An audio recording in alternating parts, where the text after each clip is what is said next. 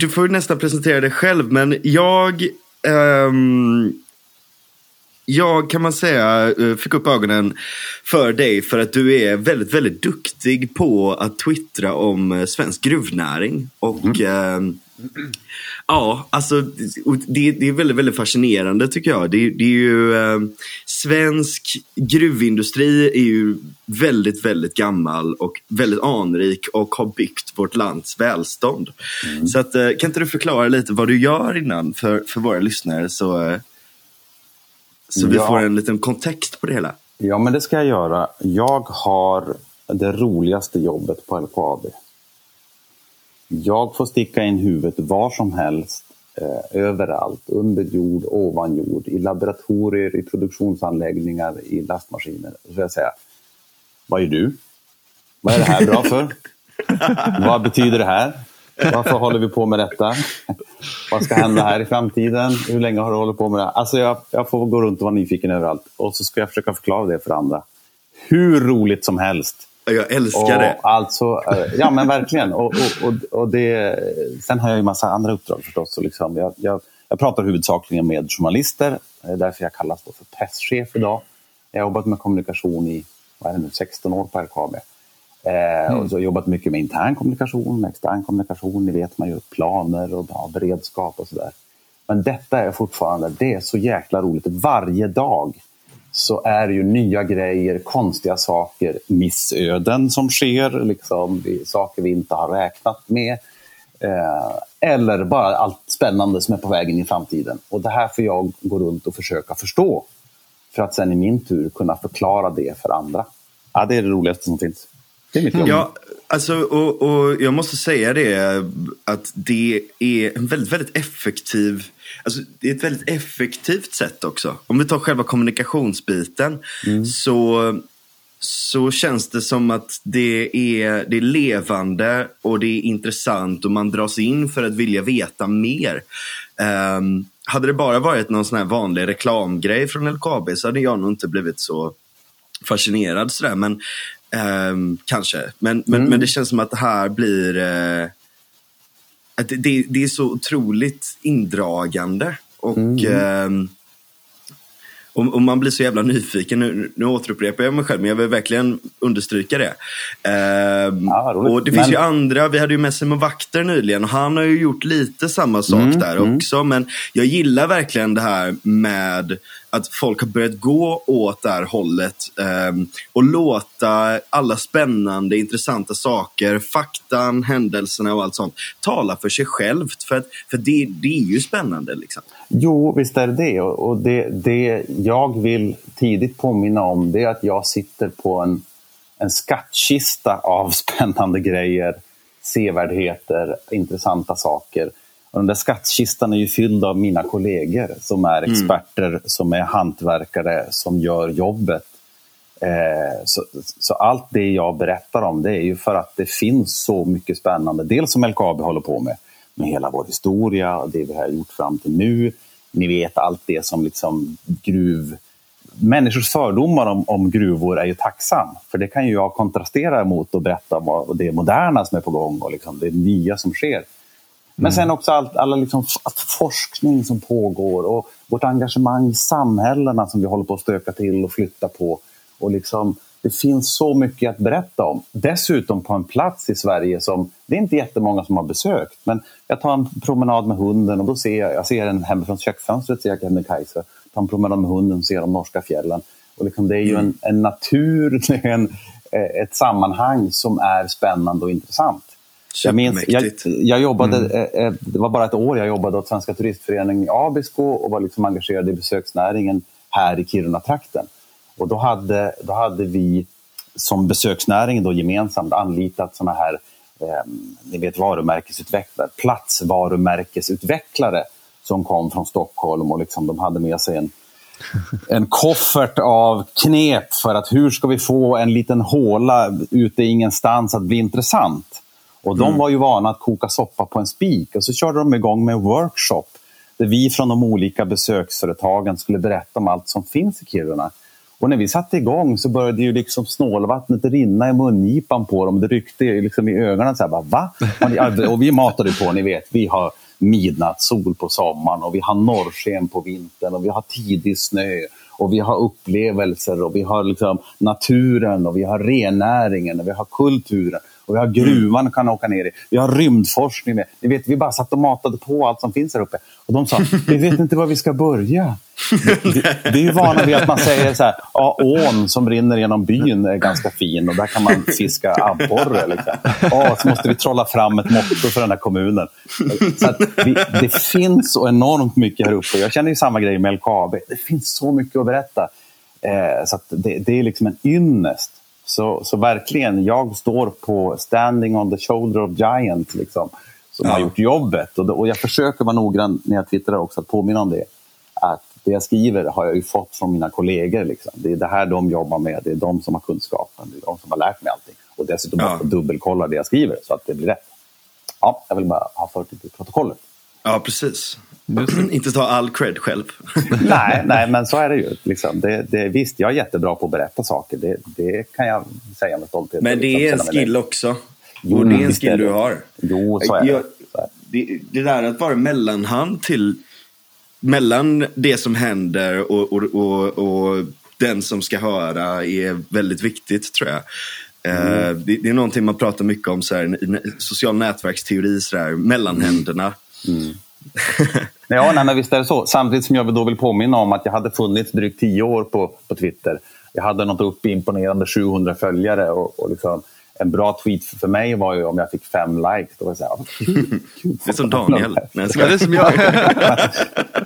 ja, nej, så, sen, där, alltså. sen plötsligt så stod planeterna i linje då. Och det var ju den dag då IPCC-rapporten släpptes. Nu, alltså det är så nyligt som nu i augusti.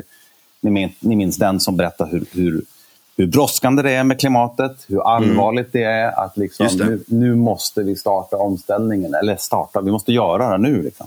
Och då såg jag hur folk hängde med huvudet och liksom var bekymrade och kände hopplöshet. Och då hade jag redan skrivit den första tråden i huvudet om LKABs planer att börja göra järnsvamp med vätgas så att vi ska bli helt koldioxidneutrala. Och dessutom kapa utsläpp hos våra kunder. De som köper järnmalmen idag av LKAB använder ju kol i masugnarna och släpper ut en jäkla massa koldioxid. Men mm, det ska bli noll. Och det där, den tråden hade jag klar i huvudet. Jag hade liksom bara inte hittat tillfälle att skriva det. Så den kvällen, samma dag som IPCC-rapporten kom, så skrev jag den här tråden. Det var liksom min första då, riktiga tråd. Sådär. Nördtråd. Jag berättade om vad är det här? Vad handlar det om? Hur gör man? Vad är järnsvamp? Vad ska använda till? Vad gör LKAB idag? Jo, järnmalmspellets. Vad är skillnaden? Mm. Och då så small det till. Och då fanns det, så dels var det det då, människors behov av, av hopp, att känna att liksom det finns någonting ja, att göra. Eh, och sen också ett intresse tror jag för dels allt som händer uppe i norr nu, det pratas väldigt mycket om det, och sen specifikt för LKAB förstås. Så att det var ja. det som gjorde att det tog fart och att jag, jag tyckte det var jättekul att skriva den här tråden, det är roligt format liksom, som jag inte har skrivit det förut. Jag har skrivit hela mitt yrkesliv, men inte på det sättet. Eh, så, så det blev som en tändning för mig också att känna den här skrivglädjen. Mm. Och, och, som kanske märks då. Att folk... Fan vad kul! Ja, mm. så det var roligt. Så det var liksom slumpmässigt hur det... Det var inte en, en smart liksom, plan som, som LKAB nu sjösatte för att nu ska Nej. vår lilla presschef gå, gå ut och bli viral. Utan det blev, det blev så. Och det kanske Men jag tror också... att det är mycket som blir så. Alltså, ja. slump. Jag, jag är väldigt stort fan av, av det. Alltså, ja. Nästan lite så kaotiskt, ja. dionysiskt. Sådär. Liksom, att, att, att liksom, slumpen är oftast det som leder fram till det mest geniala. Ja, ja verkligen. Sen, får jag ju ändå säga liksom att det är klart att det, LKABs kommunikationsarbete är ju inte en slump. Med, utan där finns det ju planer. och Det, det här jag berättade om, liksom, den rika skatten som jag kan stå och skotta ur, den är uppbyggd till stor del tack vare eh, mina kollegor på kommunikationsenheten som har jobbat målmedvetet med detta i många år. Att mm. bygga upp de här berättelserna, att åskådliggöra dem, att hjälpa våra olika verksamheter också att själva få upp på ögonen. Liksom, det här som jag står och forskar med, det är ju jättespännande. Och så kommer de till oss och säger, hörni, ska vi inte berätta mer om det här? Så att mm. LKAB är ju väldigt aktiv. Vi har ju massa kanaler. Liksom. Ja, ni vet, alla de sociala och alla de klassiska. Och vi bjuder in journalister och så vidare. Så vi jobbar ju jätteaktivt och strategiskt med kommunikation. Så på det sättet kan man säga att myllan fanns där för mitt, för mitt konto då att bli intressant. Ja, men det är för att vi har jobbat mm. med att skapa det här intresset. och sen var det väl också, jag menar, ni såg hur Många redaktioner söderut har uttryckt nästan lite skam för att man inte har bevakat norra Sverige som bra. Peter Wolodarski på ja. DN skrev ju liksom, mm. och bad om ursäkt att liksom, vi har missat norra Sverige och nu satsar man jättemycket. Dagens Industri satsar också här mycket. Så mm. det tror jag också spelar in. Att sitter det då liksom en fittrare som, som berättar initierat om någonting som just nu är hett och spännande, ja, då vill man följa den människan. Verkligen. Mm. Verkligen. Vad, vad är LKABs historia egentligen? Har det varit statligt innan eller hur funkar det? Det startade som ett privat initiativ. Eller så här, om vi tar, vi tar hela historien. Den började för två miljarder år sedan. Nej, jag, jag ljög. Den började för 1,9 miljarder år sedan. Då bildades våra malmkroppar. Bubblade upp. Alltså, vi började på riktigt. Vi började. Ja. 1,9 miljarder år sedan. Det här kommer att ta tid. Hur lång tid ja, kör, kör. Ja, ja. Nej, det kommer stora öron. Ja, det går snabbt här. Då bubblade det upp järnatomer på urhavets botten, tror man. Eh, geologerna är inte helt överens om hur våra malmkroppar har, har bildats, men här är en teori. Det bubblade upp eh, järnatomer liksom, ur botten på urhavet, sedimenterade och la sig som en platt kaka på botten av det här urhavet. Sen gick det några miljarder år och, och, så krockade de tektoniska plattorna, ni vet kontinentalplattorna som rör sig över jorden, fick man lära sig i skolan. Mm. De krockade ihop mm. och bildade eh, fjällkedjan mellan Sverige och Norge. Skanderna heter den väl. Eh, mm. För kanske, ja, vad kan det vara, 300 miljoner år sedan. Och när de krockade, då ställde sig de här järnplattorna på kant, på snedden. Eh, I, I Kiruna, i Svappavaara och i Malmberget i Gällivare kommun. Eh, och där låg de sen i några hundra miljoner år utan att det hände någonting.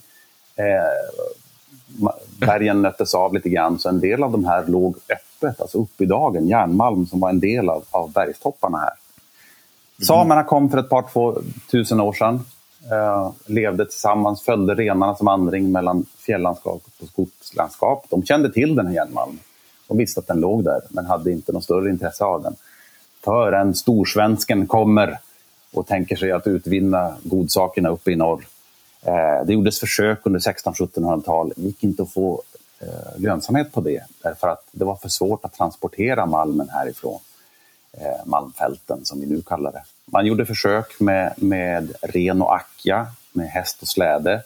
Man tvingade inte samer att köra malm ner till kusten. Det gjorde man däremot på 1600-talet från Nasafjäll där man bröt silver. Det tvingade man med våld samer mm. att köra silvermalm. Här i Malmfälten gjorde de inte det. Man betalade till, till samer och till bönder att köra malm ner kusten.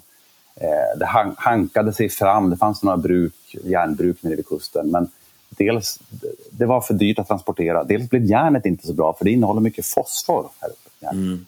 Men i slutet på 1800-talet kom det en ny process, Thomasprocessen, för att utvinna stål av fosforik järnmalm. Ping så fick den ett nytt värde, malmen här uppe, som man visste var fosforika.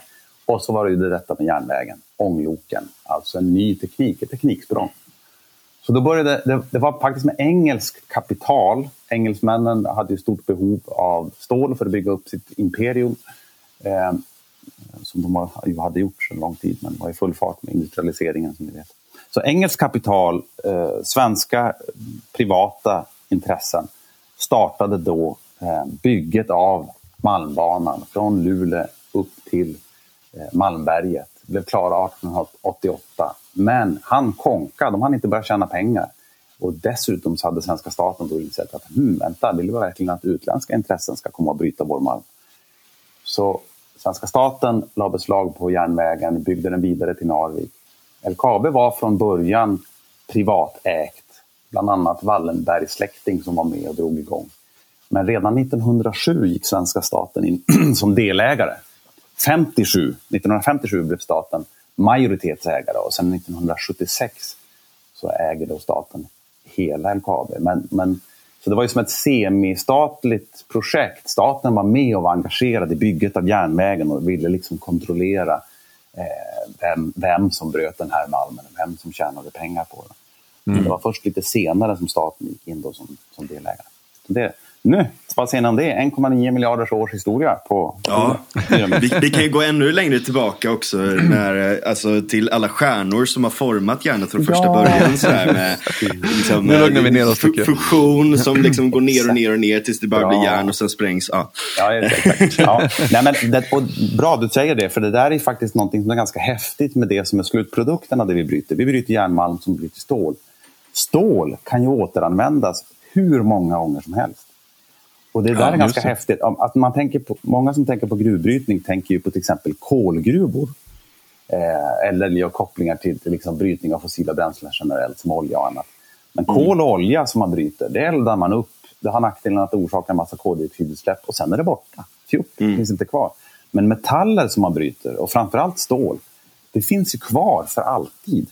Järnmalmen, järnmalmen är ändlig det finns ju inte hur mycket järnmalm som helst. Den, den återbildas inte. Liksom, ja, det tar några miljarder år i sådana fall. Mm. Men, så, att, så att järnmalm, om man bryter hur mycket järnmalm som helst så kommer det ta slut en dag.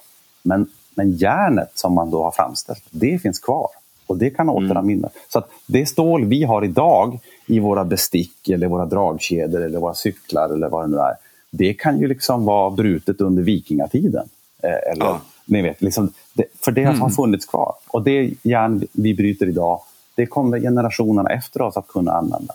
En dag, kanske, förhoppningsvis kan man väl säga, så kommer vi inte behöva gruvor. Eh, det är hemskt att säga, jag som är gruvnäringen och tycker om gruvor. Men, men i den bästa av världar ska vi nå ett cirkulärt samhälle där vi liksom inte behöver tillföra nya resurser hela tiden. Men vi, vi har långt dit. Det finns fortfarande mm. miljarder människor i världen som som inte har den välfärd vi har. Som också vill ha rent vatten, man vill ha ett kylskåp för att kunna hålla maten fräsch. Man vill ha mm. sjukhus att gå till när man... Ja, man, ja, ni vet, allting. Eh, och, och, det är därför gruvor kommer behövas under överskådlig tid. För att så många människor vill också ha stål, eller koppar, eller sällsynta ja. jordartsmetaller. Ja, ni vet. Jag skulle nog säga att det, det kommer behövas, gruvorna kommer behövas eh, tills vi har asteroidgruvdrift. Eh, ja, och, och, då kanske vi inte behöver bryta på, på jorden just med alla komplikationer som det innebär. Sant. ja, men det är sant. Men, ja, precis. Men, men, nej, men stål är ett fantastiskt material på det sättet. Just ja, det här att det kan, det kan återanvändas. Och problemet med stål har ju då varit att i några tusen år när människorna har framställt järn, järnmalm, det är järn och syre i förening. Så när man, när man i en masugn, när man smälter järnmalmen, då vill man ta bort syret för att få ut rent järn. Och det har man mm. gjort med kol. Från början träkol. Man liksom kalhögg ju hela Bergslagen där de svenska järnmalmsgruvorna låg från, från mm. medeltiden och framåt. För att det är jag härifrån. Jag ville bara sticka in. Ja, ja, precis. Och sen började mm. man använda stenkol för att det är effektivare, man får bättre effekt. Och det är det man använder idag i stålverken. Stenkol som man ger till koks som man använder i masugnarna för att ta bort syret. Och kol och syre, ja det bildar koldioxid. Men det vi nu LKAB ska göra istället är att använda vätgas för att ta bort det här syret. Det. Därför att vätgas, H2 plus syre O, då får man H2O istället för CO2. Så det blir vatten som enda restprodukt istället för koldioxid. Så det, jävla, det, låter så enkelt. Men ja, visst gör det. Visst gör det. Och så, ja, men det var så här, skolkemi. Ja, men det, var en, det var en kollega till mig som, som när vi funderade på hur ska vi förklara det här. Bara, Åh, det är elektrolysörer, de har ju vätgas och oh, vi behöver energi här och den här. Och så bara, men vänta nu. CO2, H2O. Folk kommer ihåg detta från skolkemin och det är ju grunden. Så, så eh, enkelt är det. Sen är det jättekomplicerat att genomföra det här på en industriell skala. Att få det att vara lönsamt. Det, vi måste kunna tjäna pengar på det, för annars kommer det inte att gå. Mm. Eh, och Det är det som också är lite häftigt, att det finns en marknad för det här. LKAB Verkligen. samarbetar ju med mm. Vattenfall som levererar energin, med SSAB som är experter på stål.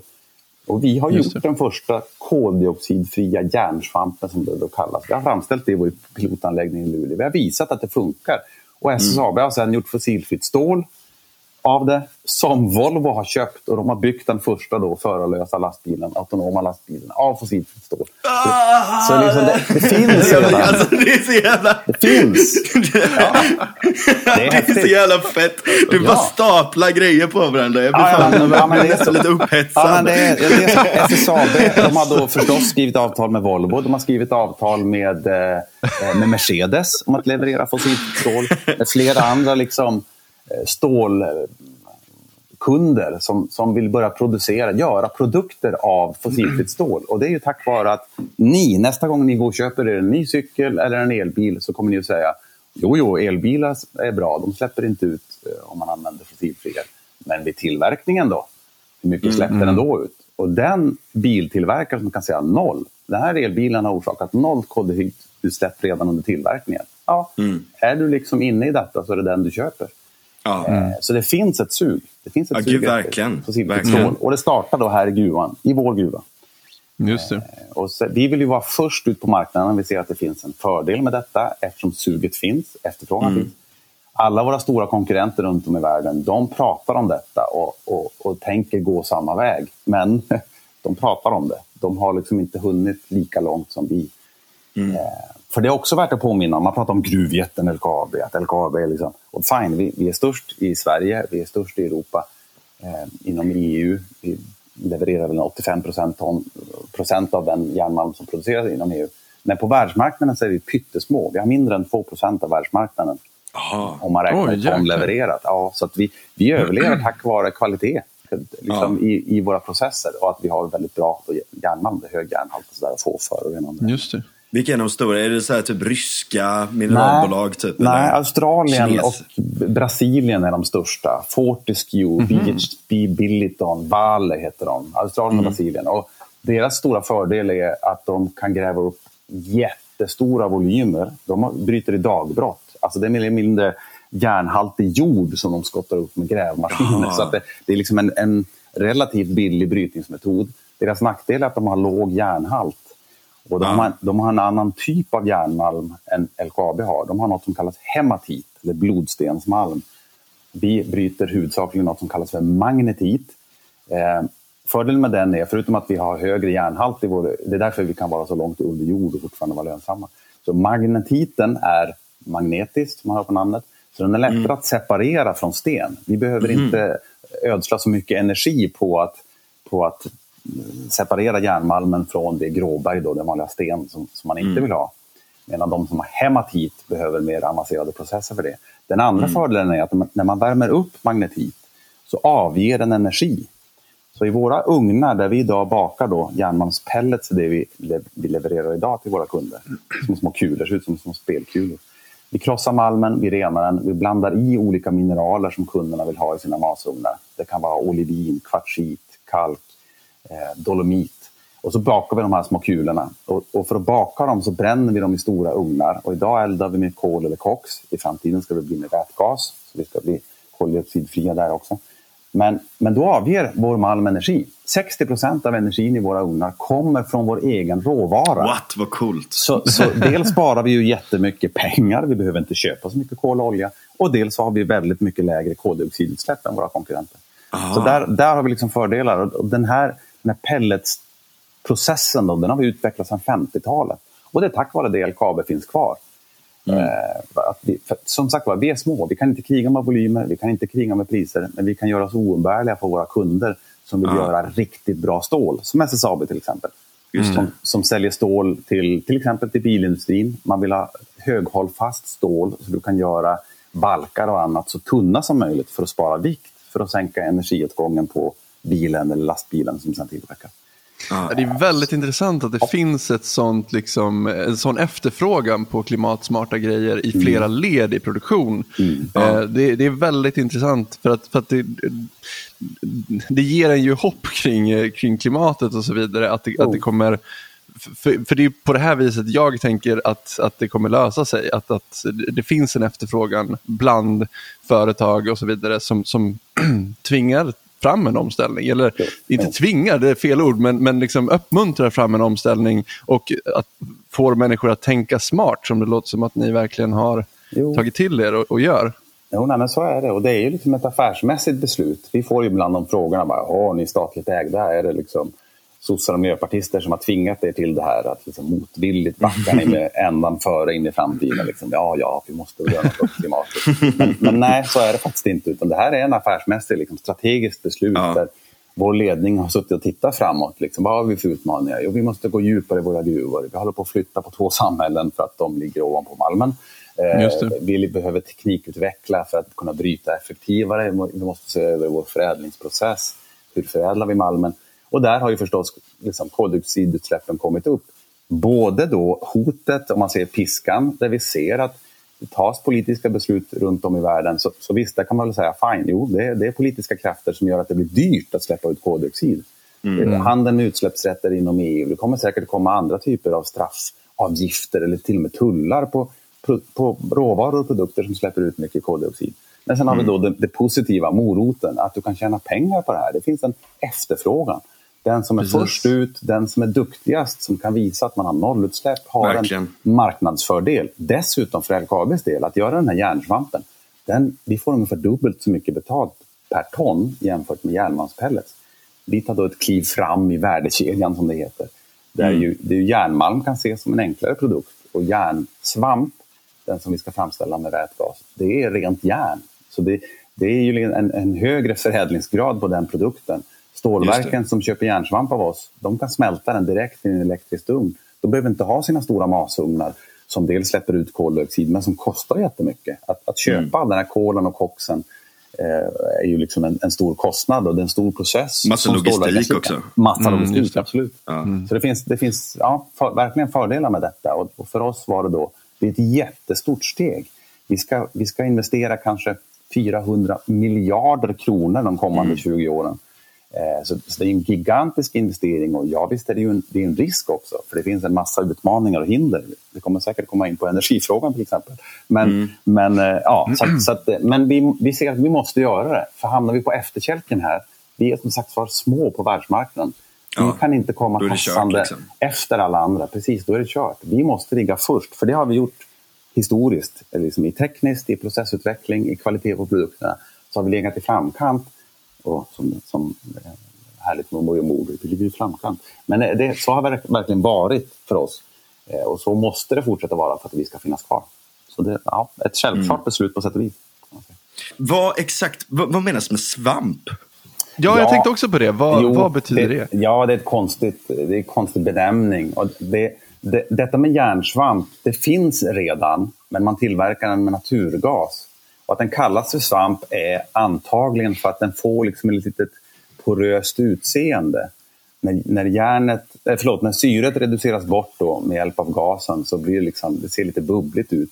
Sen mm. pressar man ihop den här järnsvampen oftast till briketter. Och då ser de ut ungefär som en hand, ni vet en hård handtvål som man tvättar händerna med. Liksom, ungefär ja. så ser den ut när man trycker ihop den. Men innan dess så är den, liksom, den ser porös och bubblig ut. Den är hård, den är fortfarande hård som järn. Men ser lite ja. bubblig ut, ungefär som en tvättsvamp kanske. Så därför de det, det, ser ut som, jag var tvungen att googla det nu, det ser ut ja. lite som så här salt patron som någon har sugit på ett tag. ja, just det. Ja, precis. precis. Ja. Sponge iron. Och, och som sagt var så finns ju den här processen att göra järn av järnmalm med hjälp av gas. Den finns redan och kallas för direktreduktion. LKAB levererar en typ av järnmalmspellets specialanpassad för de kunder som har mycket naturgas och som använder den här processen. Då. Att istället för kol i masugnar så har man naturgas som tar bort syret. Eh, naturgas är också ett fossilt bränsle så, så det orsakar koldioxidutsläpp men 30% lägre än om man använder kol i en masugn om man räknar mm. per ton. Så vi har redan kunskapen om hur förbereder man järnmalmen för att funka i den här typen av process. Aha. För om man använder vätgas istället för naturgas så är det, det är liknande processer.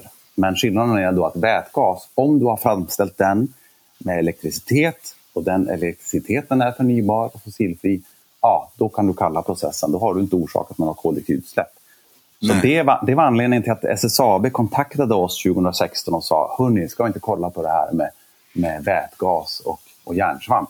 Så det är inte så att vi har uppfunnit den här processen. Den, den har varit känd hos metallurger, den har varit känd hos företag och forskare.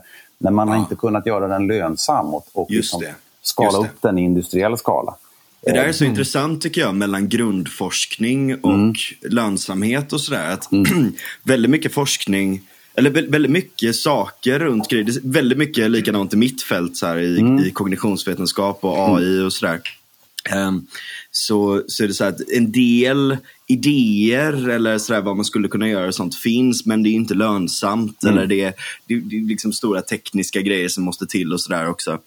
Uh, väldigt en, energikrävande till exempel med AI att göra mm. vissa saker och så. Uh, så det, det är väldigt intressant där för att man, man, man, lägger massa, massa pengar på den här grundforskningen och sen kanske 50 år senare så får det ett genombrott för att det blir lönsamt. För att andra saker, and, de andra pusselbitarna klickar i och då, ja. bam! Men, men då har man det sen innan och så har man haft det lite som inspiration nästan för att ta fram de andra grejerna också. Ja. Jag gillar den dynamiken i det där. Absolut. Ja, det är jätteintressant. Och I det här fallet då, om man tittar på det här med vätgas och järnsvamp så är det då dels vi förutser att det kommer att bli dyrare att släppa ut koldioxid. Då har du liksom en, en, eh, ett incitament där. Vi ser att elektrolysörerna, den utrustning som används för att göra vätgas med hjälp av el. Väldigt kort beskrivet så handlar det om att man kör el genom vatten så att det spjälkas upp i vätgas och syrgas. Eh, det, det, har varit väldigt dyrt att göra men börjar bli billigare. De här elektrolysörerna börjar serietillverkas på industriell skala, då sjunker ju priserna, effektiviteten mm. ökar. Ja, men då kan man plötsligt börja räkna på det här. Så, så kombinationen då, dyrt släppa ut koldioxid, vätgas börjar liksom bli försvarbart i kostnad och så den kunskap då, som sagt var, LKAB som har den här kunskapen om att förbereda järnmalm för direktreduktion. SSAB som är experter på att göra det bästa stålet och, och hur man ska göra det i en fossilfri process. Och så Vattenfall då, som ju är energibolaget som här uppe i norra Sverige har vi idag ett överskott av fossilfri el tack vare vattenkraften och till viss del också vindkraft. Så, mm. så de, den kombinationen, det, det, var SSABs tekniska direktör Martin Pei som såg liksom där, men vänta nu, här borde vi göra tillsammans och kontaktade mm. oss 2016. Och då, då drog vi igång det som kallas för Hybrid, som är ett teknikutvecklingssamarbete där vi just det vi håller på med nu, att, att ta fram liksom, hur ska vi göra detta på bästa sätt. Vi har byggt en pilotanläggning i Luleå där vi, där vi nu tillverkar järnsvamp med hjälp av vätgas. Vi, har byggt en, vi håller på att bygga en, en, ett vätgaslager. Så vår tanke är att producera vätgas huvudsakligen med hjälp av vindkraft. Lagra den i underjordiska berglager under högt tryck. Eh, och sen använda det. Då kan man använda det även om dagar det inte blåser. Det, det ja, just det. Ni vet, det, det, energidebatten som pågår just nu, så det är fram och tillbaka, fördelar och nackdelar, vindkraft, kärnkraft, vad ska vi satsa på? Det är ju jättebra ju. Ja, mm. och för LKABs det har vi sagt att vindkraften, det är liksom inte ett ideologiskt val för oss. Det är återigen rent affärsmässigt. Idag är det den, den energikälla som är ekonomiskt försvarbar att satsa storskaligt på och tidsfaktorn. Det är den som går snabbast att skala upp, tror vi. Mm. Plus detta att kombinationen med vätgasproduktion lämpar sig väldigt bra för då skulle vi hjälpa till att balansera det, svenska och ja, även det nordiska kraftnätet. Därför att vindkraft ju har nackdelen att den inte producerar energi när det inte blåser. Men för oss skulle det mm. inte vara något problem. När vindsnurrorna snurrar, då producerar vi vätgas som vi trycker ner i underjordiska berglager. Och när det slutar blåsa, ja men då stänger vi av. Då producerar inte vätgas. Och på det sättet mm. hjälper, skulle vi då hjälpa till att i och med att vi skulle vara så en, en, en väldigt, väldigt stor förbrukare så skulle vi hjälpa till att balansera hela elnätet ja. på det sättet. Wow! Så, så det, det, är skitbra ju. Ja, det, det, mm. det, då, det är tanken. Men det är klart, det finns en massa hinder kvar. Och det är inte så att vi säger att Åh, vindkraft är bäst, för det finns inga problem med vindkraft. Det är klart det gör det. Liksom. Mm. Markåtgång, konflikter med, med rennäring, med besöksnäring, med den som mm. bor nära en vindkraftpark som inte vill ha de där snurrorna i blickfånget. Det är ja. inte utan... Fåglar och allt möjligt. Och allt möjligt. Det finns utmaningar, absolut. Men även där går då utvecklingen framåt väldigt snabbt. Vi ser på, på vindkraftverken, de blir större och mer effektiva. Eh, vilket betyder att man kommer inte att behöva lika många i framtiden för att producera samma mängd energi. Eh, det går väldigt snabbt framåt med havsbaserad vindkraft idag. Mm. Framförallt sån som då står på havsbotten en bit ut. Men det forskas även på flytande vindkraftverk. De skulle kunna stå långt ute till havs. Ja. Förankrade bara då liksom med tyngder på botten som inte påverkar eh, växt och djurliv lika mycket. En, en, kabel som går in till land och de behöver inte ens synas från stranden. Så det, Nej, det, det, pågår väldigt mycket som är intressant. Sen kommer det säkert behövas andra energikällor också och den debatten driver ju liksom inte vi på LKAB. Vi, vi talar om det, det, enorma behov av energi som vi ser framför oss att vi har. Vi har ju idag mm. beräknat till ungefär 55 terawattimmar per år. Det är alltså det är mer än en tredjedel av hela Sveriges elproduktion idag. Så det är ganska mycket.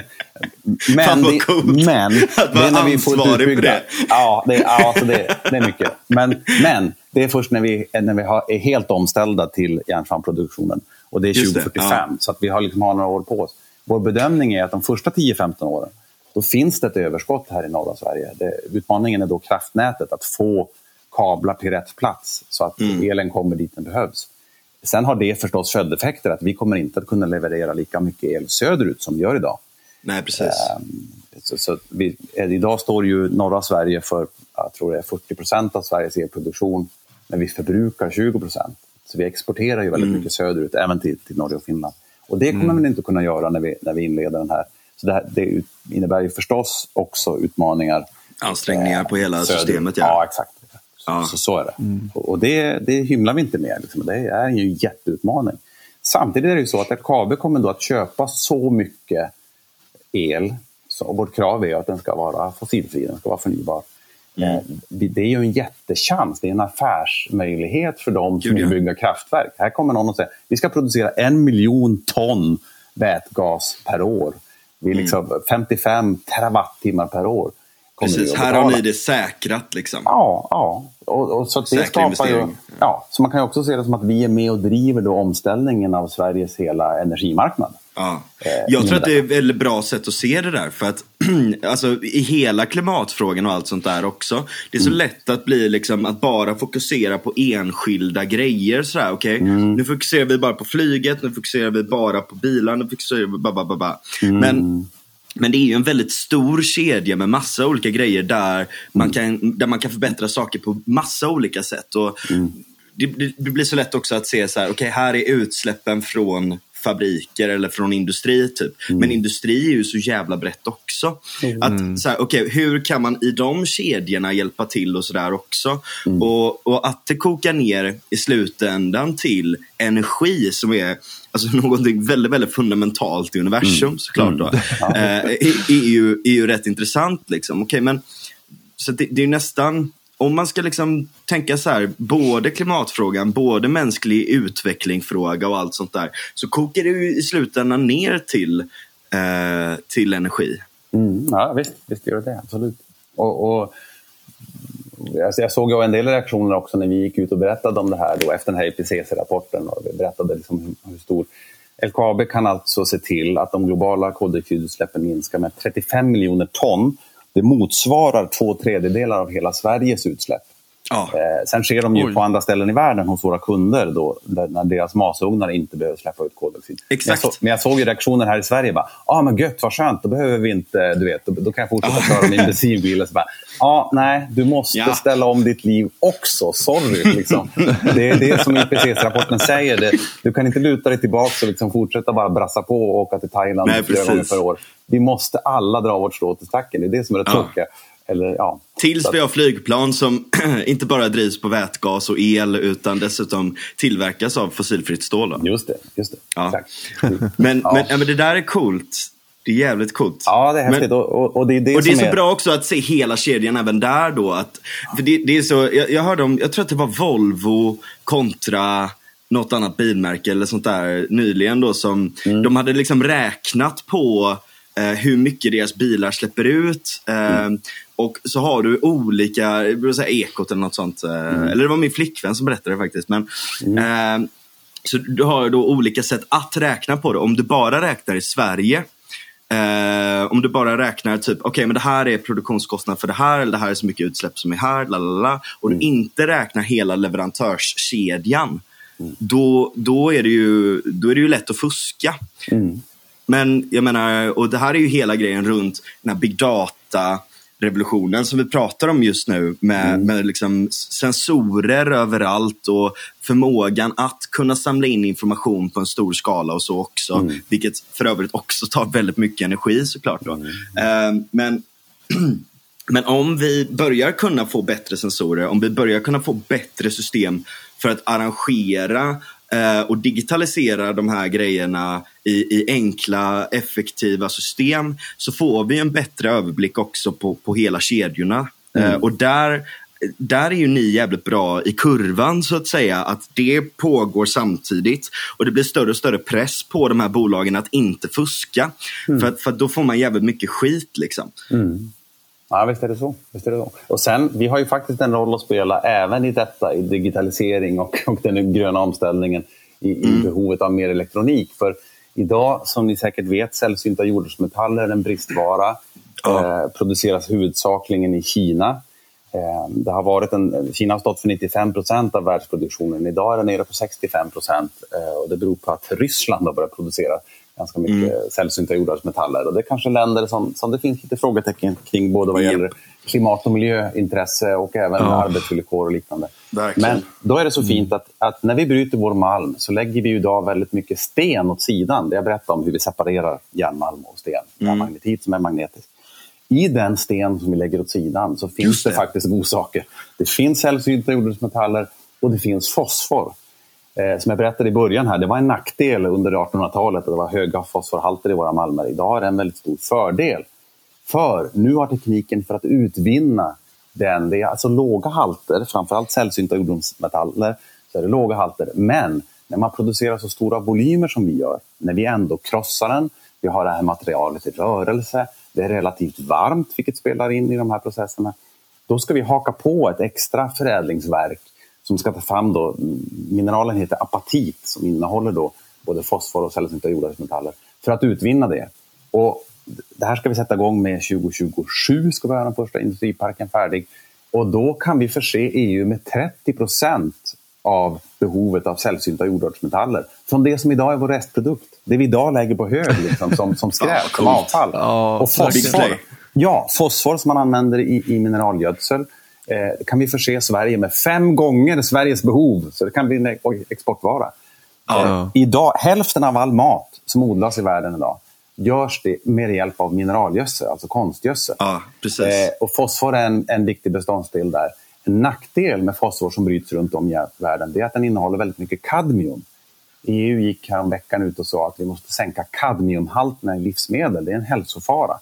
Mm. Som orsakar... Är det cancer eller vadå? Ja, jag tror att det är cancer. Det är lite radioaktivt? Eller? Ja, det är någonting med kadmium som inte är bra. Så EU, vi måste sänka kadmiumhalterna. Och då, är det, då är det så fint att fosforn som kommer, från, som kommer att komma från LKAB, den är helt kadmiumfri. Okay. Så här har vi liksom, vi kan återigen att, att, när man ändå har en gruva, när man ändå bryter så här mycket och stökar ah, ja, ja. runt och gör ett stort hål i backen, att det tar vara så mycket man bara kan av det man tar upp. Verkligen. Eh, som en biprodukt dessutom när man utvinner de här sällsynta jordartsmetallerna och fosforn så får man gips. Enorma mängder gips. så vi kommer att kunna producera gips som täcker hela Sveriges behov. Gipsplattor till, till, till, när man bygger nya hus till exempel. Och, ja när ni gjuter små gipsskulpturer. Okej, okay, det är inte fullt så mycket, men, men gipsplattor i ja, Jag gjorde det. Det, det. det, gav mig, en gipsskulptur gav mig MVG-bild i nian. Oh, oh. Ja, så det ligger mig varmt om hjärtat. Mycket bra. Mycket bra. Så, så, det har vi också på gång och det är också häftigt. Liksom. Det är en del av den här omställningen vi, vi står inför. Både kapa koldioxidutsläppen men också att ta tillvara så mycket som bara går av det vi skottar upp i backen. Mm. Så det är Otroligt. häftiga grejer på gång. Så det, förstår ni när jag säger att jag sitter på en skattkista? Det finns ja, ja verkligen. Alltså. Berätta, liksom. här... Jag känner mig som ett barn som leker med såna här grävmaskiner just nu. Ja, ja, då, jag sitter och skiner bara. Då förstår du hur jag har det på jobbet. Liksom. Och, så, och så, utöver detta så får jag, ju, åh, får jag bevaka tågtrafiken med våra malmtåg. Ja. Eh, LKAB vi transporterar 47 procent av alla ton som går på järnväg i Sverige. Okej. Okay. För att malmen är så tung och för att vi kör så mycket. Mellan ja. 10 och 12 tåg går från Kiruna till hamnen i Narvik varje dag. Ungefär fem tåg går från gruvan i Malmberget i Gällivare ner till Luleå där ju SSAB har ett stålverk men också vi har en hamn som skeppar ut. Så att det, det är enorma volymer liksom, som går varje dag och därför kanske ni har sett mig eh, gråta på, på Twitter när vi hade en urspårning här för några veckor sedan. Ja. Eh, därför att då är det stopp. Då kan vi inte leverera. Eh, nu var det, just den urspårningen var mellan Gällivare och Kiruna. Och den sträcka där vi inte kör fullt så många tåg. Men det var ändå betydande avbrott i våra leveranser. Och nu, mm. just nu har vi ett, en urspårning på den norska sidan. Det är våra, våra kollegor Kaunis Iron som också kör malmtåg från Pajala. eh, som har spårat ur. Eh, och vi har inte, jag tror jag måste kolla här, nej vi har inte fått någon ny prognos för när trafiken kan vara igång. Så nu vi kan inte, då kan vi inte köra våra tåg. Nu är det stopp. Ja. Därför att det är enkelspår. Hela Malmbanan är 50 mil lång. Eh, går ju då från Malmfälten åt ena hållet, över fjällen till Narvik, norska sidan, eh, hamnen vid Atlanten. Och så andra, andra mm. hållet ner till Bottenviken, till Luleå. Mm. Eh, och längs hela den här sträckan så är det enkelspår. Det finns mötesplatser för våra tåg. Våra tåg är 750 meter långa. Det är 68 vagnar som lastar 100 ton styck, så det är liksom stora pjäser. Eh, och vi vill ha dubbelspår. Och, och, Trafikverket presenterade ett förslag till en ny nationell plan för infrastruktur häromveckan. Och det var bra. De hade satsat mycket på Malmbanan, 7,5 miljarder tror jag de sa. Bland annat så, så ser de att de vill bygga dubbelspår mellan Luleå och Boden. Det är tre mil av 50. Det, det är en bra början, men mm. ja, vi hade önskat mer. Eh, därför att det här är, det är, för oss är det liksom verksamhetskritiskt. Får vi inte ja. iväg järnmalmen till våra kunder ja, då, då försinkas ju den här omställningen vi ska göra. Mot Precis, och då blir inte ni lika attraktiva heller för att det blir liksom nej, nej. sådär. Exakt. Men, det, det, där, det, det, finns en röd tråd i, i allt det här som jag tycker är rätt intressant. Och det är, ibland i, i klimat och miljödebatten så pratar man hela tiden om så här, nerväxt och vi måste konsumera mindre och lalalala, mm. allt sånt där. Och det, mm. det, finns ju en del poänger med det såklart. Mm. Men ibland så är det också så att om man satsar lite och bygger ut lite, bygger ut lite infrastruktur, både, både liksom så här, eh, då, eh, logistik, eh, el och så vidare och så vidare och så vidare så kan man liksom komma över en tröskel där saker och ting mm. blir mer klimatsmart. Mm, och kanske precis. till och med, alltså, liksom, Eh, om man, som sagt, om man satsar lite då så blir det liksom inga utsläpp sen. Den grejen tycker jag är rätt intressant. Sådär. Mm. Och det, det, leder mig vidare till en fråga som, som jag undrar. Och, oj, vänta, förlåt, nu råkade jag dra ut mina... Jag blir så exalterad här. Eh, så. Eh, och det leder mig till frågan om Malm, alltså det här med miljöbalken och mm. att få utvinna mineraler och sånt där. För visst är det jävligt svårt. Det har inte öppnats några nya gruvor trots att vi har en jävla massa. Vi har allt från mm. eh, sån här um, litium eller vad heter det, såna här, såna här ädelmetaller mm. till, till uran och allt möjligt och sånt mm. i Sverige mm. som vi hade kunnat bryta på ett, ett liksom effektivt och klimatsmart och, och allt sånt sätt här mm. i Sverige. Men istället då så, så, så liksom blundar vi lite för det och så importerar vi från andra länder som, som, gör, som inte gör det miljövänligt eller människovänligt mm. heller. Inte det, det lite dumsnålt så här, liksom? Ja, precis. Det är liksom dumsnålt med, med, med mor moraliskt dumsnålt. Ja, ja, ja men precis. Absolut är det det. Och jag menar, jag som är i gruvnäringen talar förstås i egen sak när jag säger att låt den svenska gruvnäringen blomstra och, och utvecklas av precis de anledningar du nämner. Mm. Liksom. Vi är trots allt bäst i världen. Tack vare en hård miljölagstiftning delvis. Alltså vi har mm. ju, det är bara att erkänna att, att gruvnäringen har väl inte alltid klivit Verkligen. fram och tagit ansvar. Men, men tack vare en hård miljölagstiftning så har vi tvingats att göra det. Och det svenska, liksom, ska man säga, kulturen, förvaltningskulturen och viljan att, att liksom vara bäst och vara bra och ta ansvar både för miljö och för samhälle, det har ju lett till att vi har både företag och lagstiftning som har gått väldigt långt. Och ja, då borde vi mm. passa på. För vi har ju ett ansvar i och med att vi själva mm. är stora förbrukare, precis som du säger. Idag måste vi liksom importera både metaller och mineraler och andra råvaror från andra länder som, som inte har producerat dem så bra. Cement är ett aktuellt exempel också. Ja, verkligen. Eh, men, mm. Så att ja, vi borde ju göra, göra mer själva. Och precis som du säger, det har pratats om gruvnäring och, och liksom gruvboom. För en tio år sedan pratade man om gruvboomen i Sverige. Men det var för att det prospekterades väldigt mycket. Man sökte fyndigheter. Och ja. prospe prospekteringsbolag de har som affärsidé att snacka upp sina projekt och få dem att låta fantastiska. För de vill ju mm. sen sälja det till ett gruvbolag som börjar bryta malmen. Men mm. det, här, det här gjorde att det skapades en bild av att nu kommer det att poppa upp gruvor precis överallt i hela Sverige. Det blir fruktansvärt. Men det har aldrig funnits så få gruvor som, Sverige, som det gör just nu. Det finns 12 ja. aktiva gruvor i Sverige. De, de täcker 0,4 promille av Sveriges yta. Så när man beskriver gruvnäringen som ett jättehot mot miljö, eller mot rennäring eller mot turistnäring så är det bilden av gruvor. Att man, är, man tycker det är otäckt, mm. man är rädd för gruvor. Men det är inte för att det de facto har poppat upp gruvor överallt. Och det är precis ja. som du säger, det är svårt. Det, det är kanske inte framför allt eh, miljölagstiftningen som sådan, att själva liksom lagtexten är fel. Det vi på, i gruvnäringen och i synnerhet vi på LKAB har kritiserat under lång tid, det är processerna. Mm. Hur, hur de här mm. hanteras av eh, våra myndigheter, av, av eh, vårt rättsväsende. Och det är inte så att det är enskilda tjänstepersoner eller enskilda myndigheter som är fel, utan hela systemet, så som det är uppbyggt, så tycker vi att man lägger eh, vikt vid fel saker. Och ett mm. aktuellt exempel är ju då vår, vårt senaste fall här där vi i Kiruna ansökte om ett nytt miljötillstånd. Inte för att vi förändrar verksamheten desto mer utan det fortfarande handlar om det vi gör idag. Bryter järnmalm, förädlar den till järnmalmspellets, levererar till våra kunder. Vi har idag en massa olika miljötillstånd som är ganska gamla. De vill vi slå ihop till ett gemensamt miljötillstånd så som miljöbalken är utformad idag. Därför mm. att det är för att och i det så hade vi flera förbättringar, alltså bättre miljöprestanda, till exempel vattenrening skulle vi förbättra. Vi ville också öka produktionen, alltså bryta mer malm. Men det är fortfarande det är samma malmkropp. Det är liksom, vi bryter ingen annan malm, det är fortfarande samma malmkropp, det är samma processer. Och då lämnade vi in den ansökan. Vi jobbade fyra år med den ansökan. Vi, vi la mm. nästan 100 miljoner kronor på utredningar. Man utreder allt. Alltså hur mm. påverkas För att det är så marken? långa projekt också. Exakt, ja, och, det, och det är jättestor ja. påverkan på miljön. Det är inget snack om Precis. det. Alltså hela Kiruna måste flytta. Snacka om, om miljöpåverkan. det blir stora hål i backen. Ja, ja. Vet, det dammar och det bullrar och vi utreder hur vi påverkar fiskar och fjärilar och människor och allt utreder. Ja, precis. För det mm. kanske man bara ska sticka in lite snabbt här för de som inte har koll på miljöbalken. Att det handlar ju inte bara om miljö som man tänker miljö utan det handlar ju väldigt mycket om, om människor också. Absolut. Hur det påverkar människor. Inte, och inte bara liksom i, i ett miljöperspektiv på det sättet utan i, i buller och ja, allt. Ja. allt Påverkan, man kan tänka. Ja, precis. Och, och allt detta hade vi utrett.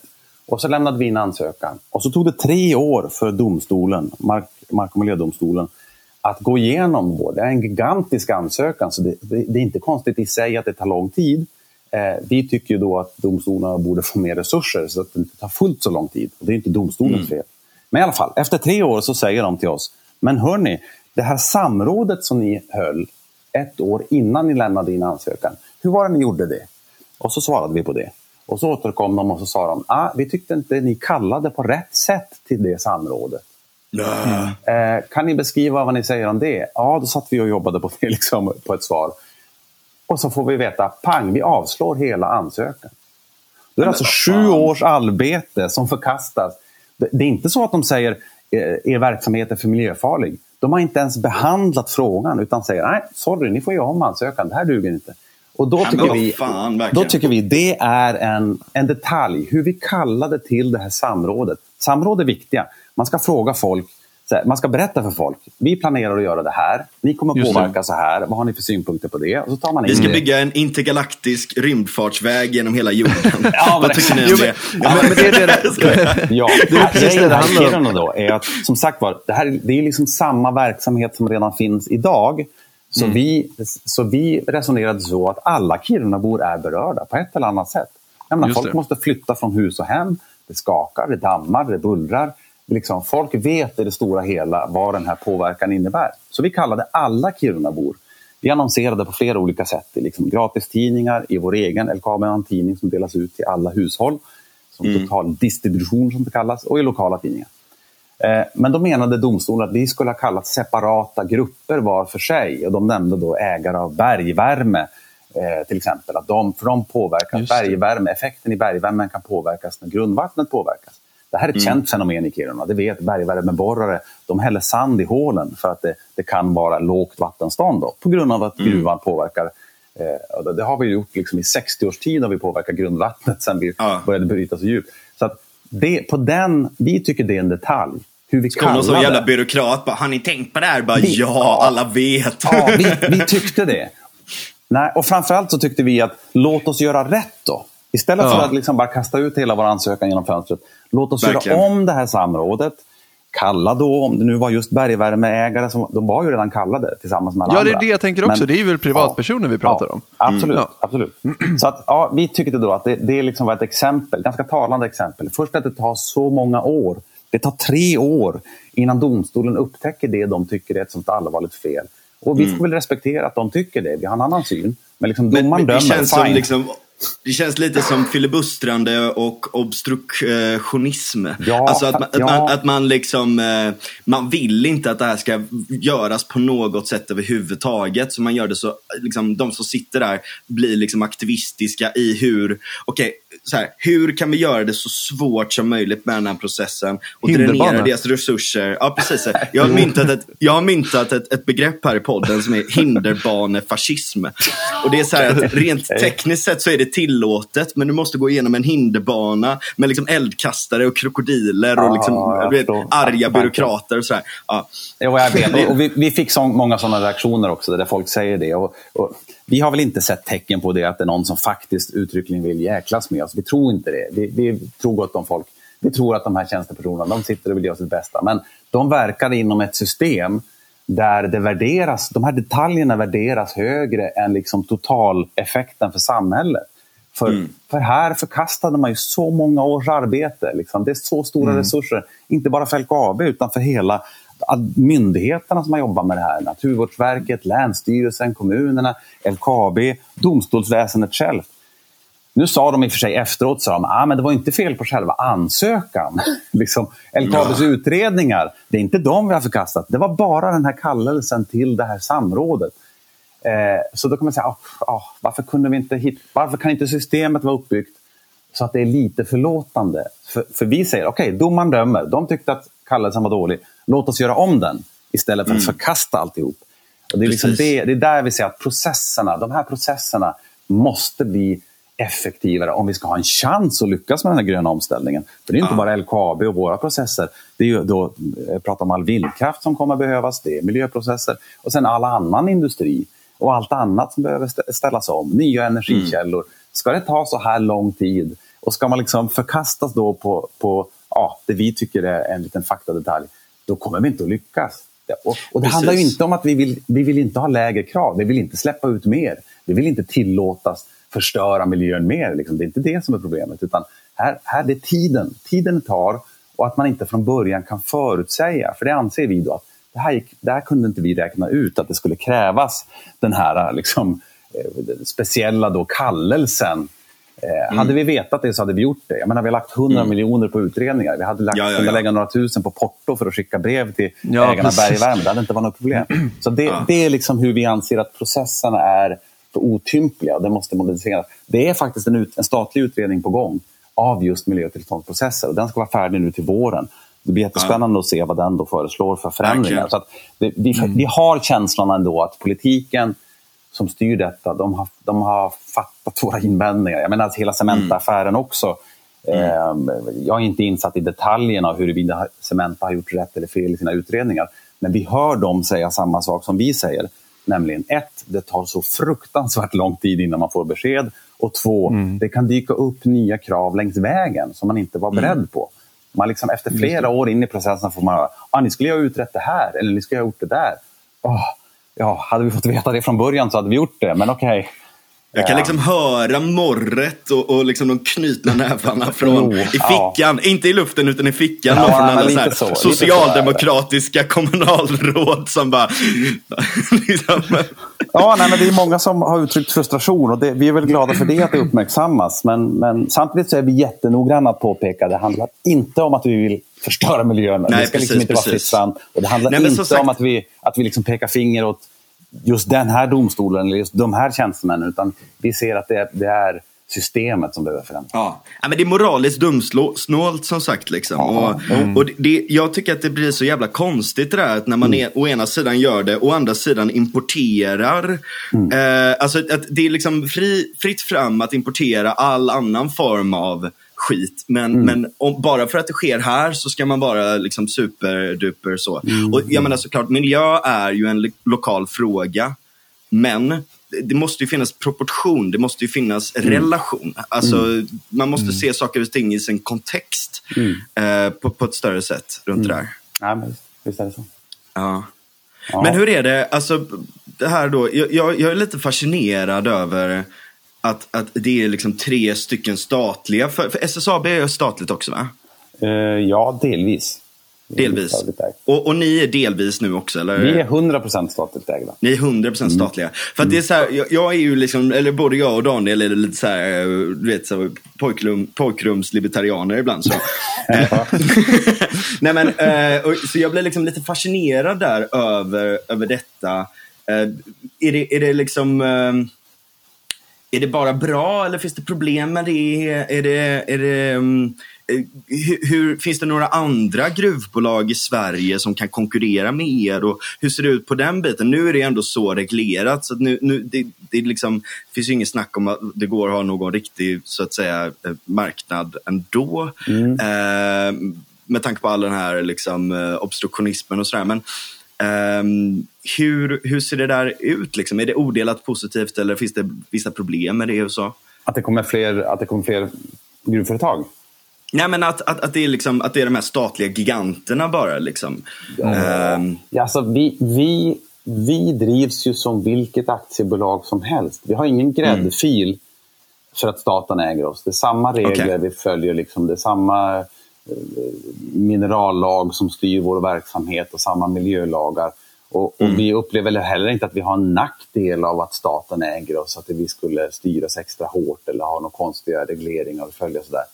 Och, och, vi som är, jag som enkel tjänsteperson på LKAB har liksom ingen åsikt om vem som äger oss. Så om ni Nej, frågar mig om det är bra eller dåligt så kommer jag bara svara att vi kommer att jobba lika bra oavsett vem som äger oss. Hade vi mm, haft, mm. hade varit börsnoterade, hade vi haft en privat ägare, vi hade gjort vårt bästa ändå, så att säga. Så att mm. Vi eh, lämnar ingen bedömning om huruvida det är bra eller dåligt att vi är statliga. sen, sen kontra andra gruvföretag, så det finns ju nu Kaunis Iron som de heter i, utanför Pajala. Eh, vi konkurrerar, vi har inte riktigt samma kunder, vi, vi gör inte riktigt samma typ av produkter. Det finns sånt sug på världsmarknaden och vi är så små. Så liksom det, vi, ja. vi överlever på annat än att kriga med volymerna. Däremot så, så, är det trångt på Malmbanan som jag berättat och det är en utmaning. Men där jobbar vi tillsammans för till exempel detta att prata om behovet av dubbelspår. Och vi, ja. vi ser fördelar med en stark gruvnäring, att det finns flera starka gruvbolag i Sverige. För det gynnar oss. Till exempel mm. här då när vi lobbar för bättre tillståndsprocesser. Eh, om vi är flera som säger samma sak. Vi kan, vi kan samarbeta i utbildningsfrågor. Här i mm. norr så har vi gått tillsammans i ett projekt som drivs via Luleå tekniska universitet. Där de, de stora bolagen här uppe, LKAB, Boliden, eh, eh Northvolt, SSAB, vi har sagt att vi ska försöka samordna vår rekrytering. Istället för mm. att slåss om, om kompetens så ska vi försöka hjälpas åt att berätta om oh, nice. styrkorna här i regionen. När vi, när vi då har en rekryteringsprocess, om vi ser att det finns flera lämpliga sökande, då ska vi tipsa om varandra och säga att du mm. får inte tjänsten hos oss. Men du har ju en profil som passar perfekt med våra kollegor där borta i Boliden. Jättebra, de, söker, de söker precis en sån som du. Och då är det en fördel om vi är flera starka bolag. Det finns ett större utbud för den som är intresserad av branschen och den som då är ingenjör eller eh, elektriker eller maskinförare eh, kan liksom ha ett bredare utbud och, och kanske mm. överväga en flytt upp till norr därför att man vet att jag sätter inte alla ägg i en korg här. Utan, utan om, jag, om jag kände att äh, LKAB var inte helt rätt, ja, då kanske jag ska jobba på Kaunis Iron istället. Det är jättebra ju. Ja, så, så, så ser vi det faktiskt positivt att, det är, eh, att, att, vi är fler som är starka. Och, och det, ja. det, här vem som äger oss spelar nog inte så stor roll i det Nej, sammanhanget. Just det. Hur är det? Är det liksom en del av vinsten som går då till staten helt enkelt? Då? Ja, det är sagt att över en, över en konjunkturcykel, jag tror det ska vara mellan 30 och 50 procent av vårt resultat ska mm. vara en utdelning. Så 2020 okay. var det väl, jag tror det var 6 miljarder vi, betalade ut. Och det, det är så som, som bolag drivs, um, att man, man betalar ut en del av vinsten till ägaren. Det är därför man äger ett företag, för att kunna tjäna pengar. Det vill staten också. Här i mm. norr så finns det liksom en, en mytbildning att alla pengar går till Stockholm. Alla pengar går söderut. Malmen, ja, precis, skogen, det var precis det jag tänkte ta upp. Alltså. Ja. men, men, då ska jag be att få, få eh, motbevisa den tesen. det är sant att pengar går söderut. Vi, som statligt bolag betalar vi, eller som, som aktiebolag betalar vi statlig skatt. Så mm. vi betalar ut skatt då till, till statskassan och vi betalar utdelning till statskassan. Men då ska man komma ihåg att LKAB har ju sina anställda här lokalt. Mm, det är vi, har, Vi har inte det som ibland kallas fly-in, fly-out, att vi tar, folk kommer hit och jobbar och sticker. Det förekommer, men huvudsakligen för de som just nu håller på att bygga upp de nya samhällena här, och vi har inte ens börjat prata om flytten ännu. Nåväl. Mm. så det kommer byggarbetare hit, men av vår personal som jobbar i produktion så bor, jag tror det var 94 procent av våra anställda är skrivna eller har postadress på den ort de jobbar. Så det är alltså en mm. väldigt liten andel som inte bor i kommunen. De okay. får alltså 2 miljarder i lön varje år som, som de skattar på här uppe i Malmfälten. Mm. Vi, vi gör inköp, lokala inköp från leverantörer, från entreprenörer, från tjänsteföretag ja. på ungefär 6 miljarder per år här i Malmfälten. Ja. Vi har betalat ut i de här samhällsvandlingarna, de här flyttarna, så LKAB betalat ut och reserverat, det börjar närma sig nu, det är över 30 miljarder som alltså betalas ut till kommunerna, till fastighetsägare, till privatpersoner för att vi måste flytta på stan. Mm. Eh, antingen så bygger vi nya hus eller så får folk pengar för de fastigheter de äger. Så det sker ja. en, en, enorm förmögenhetsöverföring här, lokalt. Ja. De här 400 miljarderna som jag berättade om, som vi nu ska satsa eh, för, för omställning, de kommer att satsas här i Malmfälten. Det är pengar ja. som stannar här. Enorma Precis. summor. Och jag menar, ja, visa mig den, den inlandskommun i Sverige som har, liksom, plötsligt har miljarder i kassan. Visst, det är mycket besvär med de här samhällsomvandlingarna, eller flyttarna. Då. Och, och kommunerna mm. gör ett jättejobb, både politiker och tjänstepersoner gör ett jättejobb med att administrera ja. det utöver sitt dagliga jobb att driva en kommun. Vilket är mycket. Men det öppnar ju upp möjligheter. Ja, verkligen. Så det, det, stannar jättelika summor. Och man ser ju det, liksom, Malmfälten har bland de högsta disponibla inkomsterna i Sverige. Alltså det är höga löner, det är låga ja. boendekostnader. Och det ser man på bilparken, man ser det på skoterhandlarna, liksom, hur bra det går för dem. Alltså ni vet, det spenderas här. Man, man har väldigt mm. hög disponibel inkomst. Det är till och med så att det kan innebära problem, till exempel för skolorna, för vården. De har svårt att rekrytera för folk vill komma och jobba i gruvan. Därför ja. att du, du har liksom väldigt goda karriärmöjligheter, bra förmåner, hög lön, trygg anställning. Och det, det där ja. blir ett problem för oss också, för när vi på LKAB vill rekrytera, det måste finnas bra skolor, det måste finnas vård som fungerar, du måste kunna gå till tandläkaren och få en tid. Liksom. Så det, det, ja, det, det är ett positivt problem ja. kan man säga, att vi har så låg arbetslöshet här uppe. Men vi stannar pengar här. Jag har en kompis som berättar om det. Hon, hon, mm. hon hennes, eh, hennes lillebror då. Mm. Eh, hon är så akademiker och allt sånt där. Liksom, och, liksom, och, och, och, och liksom efter liksom väldigt hårt slit och gjort rätt mm. och du vet, pluggat så jävla mycket allt sånt där mm. så kommer hon in på en ingångslön som liksom bleknar i jämförelse med hennes lillebrorsa som liksom, du vet, så här, suttit längst bak i klassrummet och snusat genom ja, ja. gymnasiet och blir maskinförare och ja. tjänar enorma summor. Sådär. Mm. Ja. Det är roligt den här, liksom, eh, alltså, att, att man tänker Alltså, ja, precis. Alltså, det blir så jävla lätt att tänka Ja. Att, att, att all, all framtid finns bara i de här super, liksom, eh, eh, bara superakademiskt eller bara det här. Ja, eller da, da, da, da, Men det är liksom, man, man, man måste också tänka liksom, materialistiskt ibland också. Ja, liksom, att det visst. behövs. Mm. Det, är, det är grunden för allt. Ja, men Traditionellt förr i tiden så var det ju lite så att den som inte gillade att plugga, ja, men man tog ett jobb i gruvan. Man, man, mm. man kan alltid liksom ta ett jobb i gruvan. Nu är det ju inte riktigt så. Dels har vi höjt kraven. Du måste ha godkända gymnasiebetyg för att få söka en tjänst på LKAB. Och, mm. och, det kanske inte för att alla tjänster är som att du måste ha just de, de betygen för att kunna utföra arbetsuppgifterna. Men det är en överenskommelse vi har med kommunerna därför att ja, vi vill det, peppa ungdomar att plugga. Ja. ja. Och, och, det är också i egenintresse, för är det fler som går ut gymnasiet med godkända betyg då ökar ju rent statistiskt andelen som kan tänka sig att plugga vidare på universitet. Och de behöver vi ju också. Vi Precis. behöver de ingenjörerna liksom som, som pluggar vidare. Och ja. Är det då för enkelt att börja jobba i gruvan istället för att ens gå färdigt gymnasiet, ja, men då sjunker ju andelen som, som har möjlighet att plugga vidare.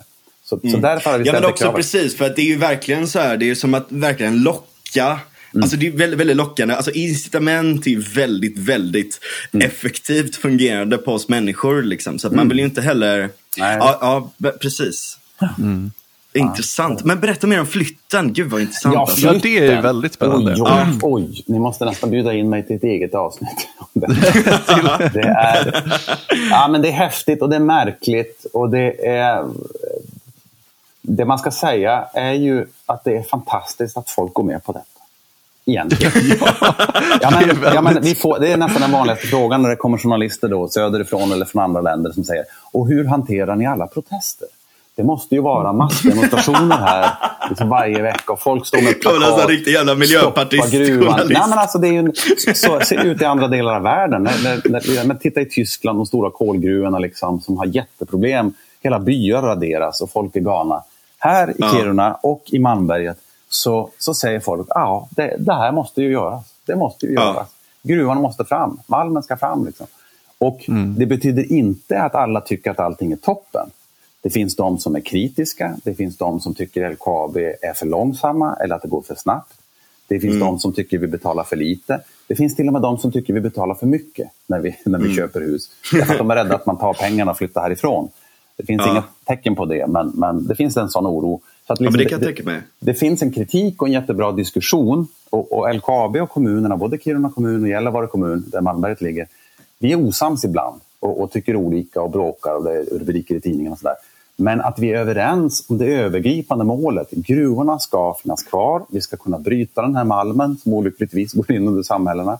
Och vi vill mm. skapa så bra samhällen det bara går då, det nya vi skapar. Den, mm. Att den gemensamma bilden är så stark så vi tar oss vidare.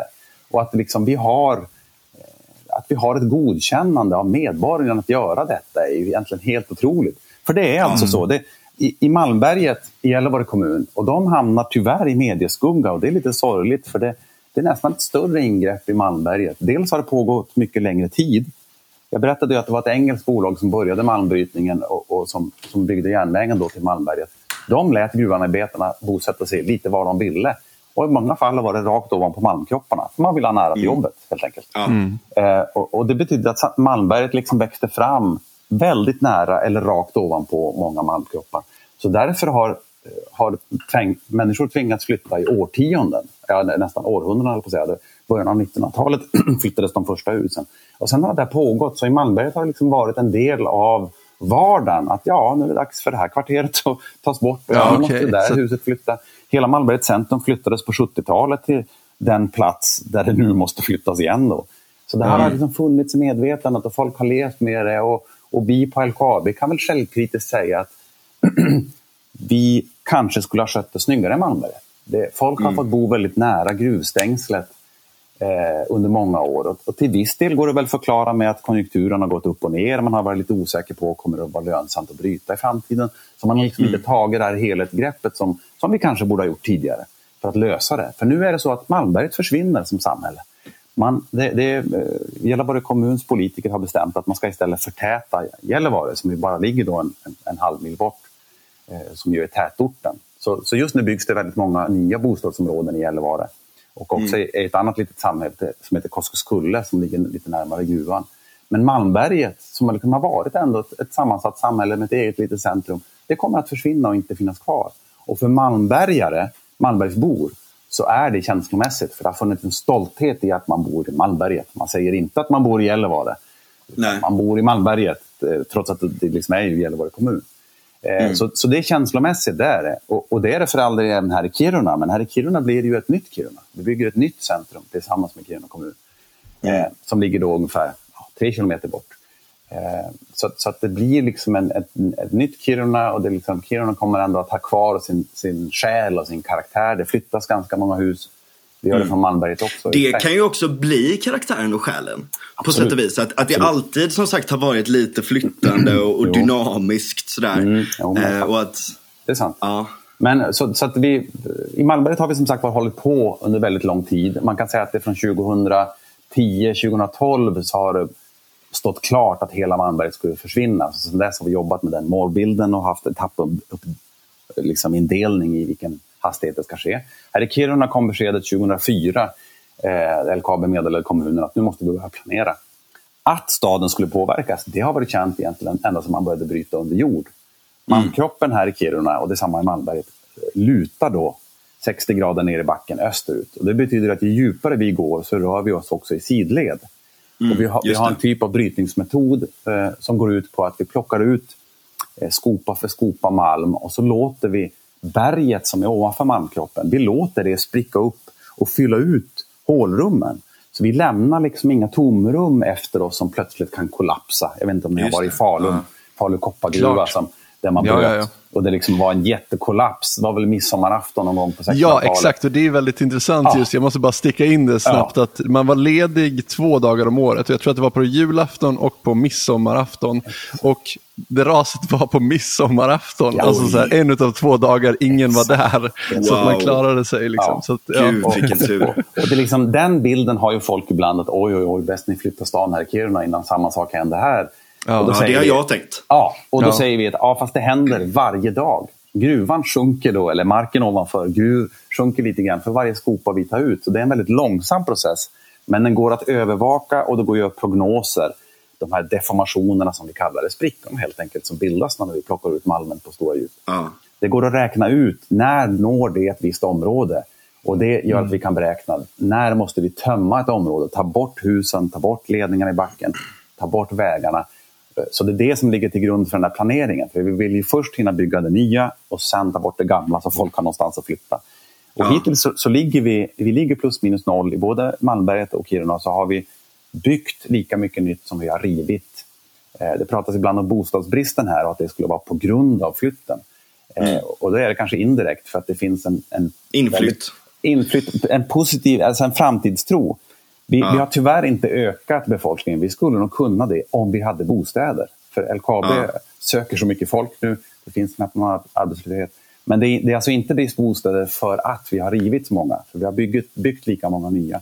Men vi är Just mitt uppe i det här. Vi har väl kommit, man kan säga att vi har kommit ungefär halvvägs. I, I Malmberget har vi kommit längre. Där har vi avvecklat stora delar av Malmberget och håller på att riva stora delar av centrala Malmberget. Här i Kiruna ja. så tar vi etapp för etapp. Det nya centrum här i Kiruna ska invigas i slutet på 2022. Det är alltså bara ett år bort. Och då, tanken är att flytta handlarna från den nuvarande eh, centrumkärnan till den nya så samlat som möjligt.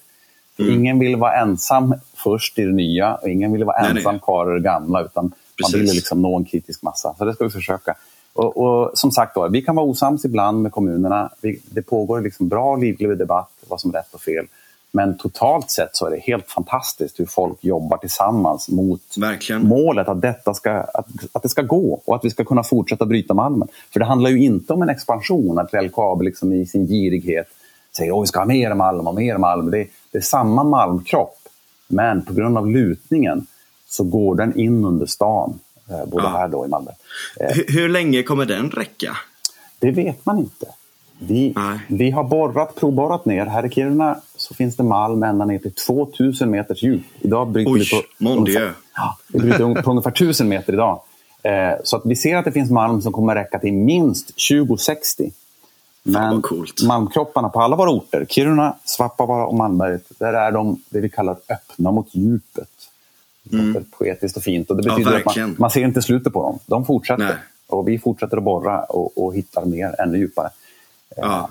Utmaningen i det är ju att det blir dyrare att gå djupare, dyrare ja. att bryta.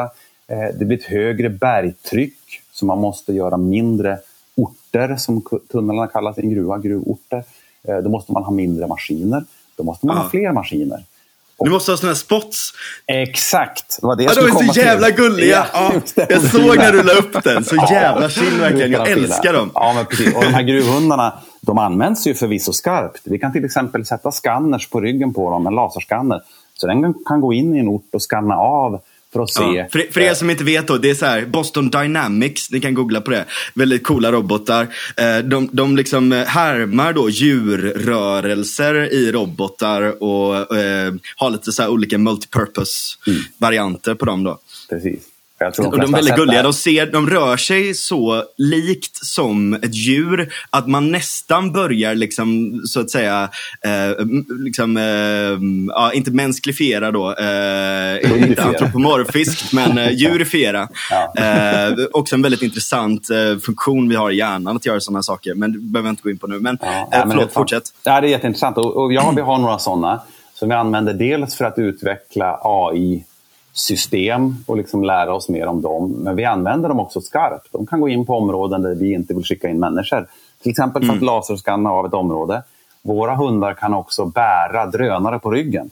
Så du kan Aha. gå in i en ort, drönaren lyfter och flyger ner eller upp i ett schakt och kan då laserskanna det schaktet för att visa om det finns skador där eller om vi måste in och göra reparationer. Alltså det är så coolt. Med något som har fastnat. Mm. Så, att, så att vi har börjat använda dem skarpt och sen som sagt handlar det om utveckling. Och, och den nya gruvteknik som vi utvecklar tillsammans med, med stora maskintillverkare som Epiroc och Sandvik och ABB. Eh, det handlar om att vi, vi ska robotisera hela vår produktion. Alltså borrningen, laddning av sprängämne, lastning efter malmen har sprängts lös. Ah. Det ska göras av robotiserade, alltså autonoma maskiner.